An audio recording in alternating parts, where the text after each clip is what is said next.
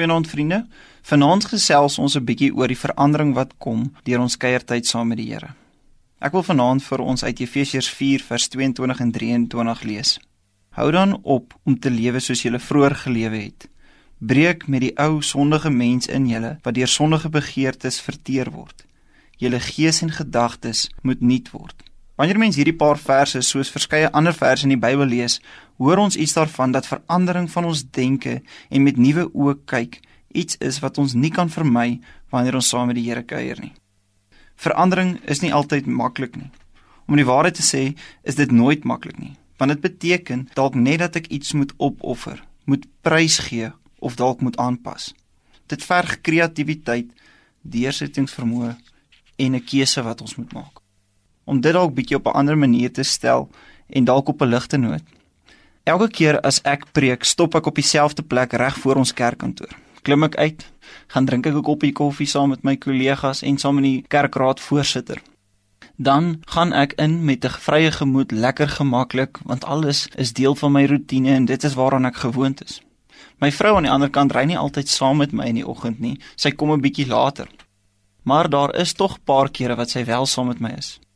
Jy's op een so 'n geleentheid is sy by my in die kar en vra sy kan ek nie agter die kerk stop op 'n ander plek as wat ek aan gewoond is nie want sy wil graag nog 'n bietjie in die kar sit en lees terwyl ek reeds besig is.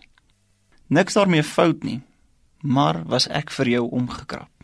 Hoekom? Want dit is nie my rotine nie. Dis nie waaraan ek gewoond is nie.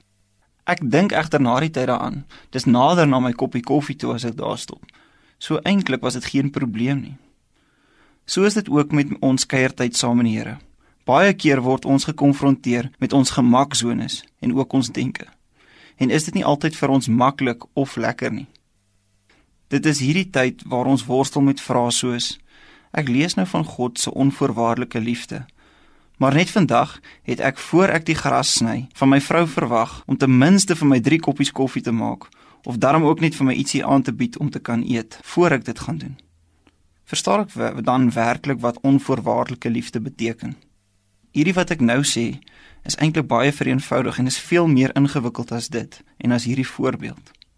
Kuiertyd saam met die Here lei egter tot verandering. Die meeste van die kere deur worsteling, aanpassing en selfs 'n stukkie kreatiwiteit. Maar ons is nie alleen nie. Ons kuiermaat is by ons. Hy staan ons by. Net soos wat die Here vandag gister en altyd saam met ons was en is, reis hy ook saam met ons in ons verandering. Kom ons bid saam. Here, ons tyd saam met U lei tot verandering. Soms is dit vir ons makliker as ander kere. Dankie dat U egter saam met ons op reis is en ons kan vashou aan die feit dat U getrou is. Amen.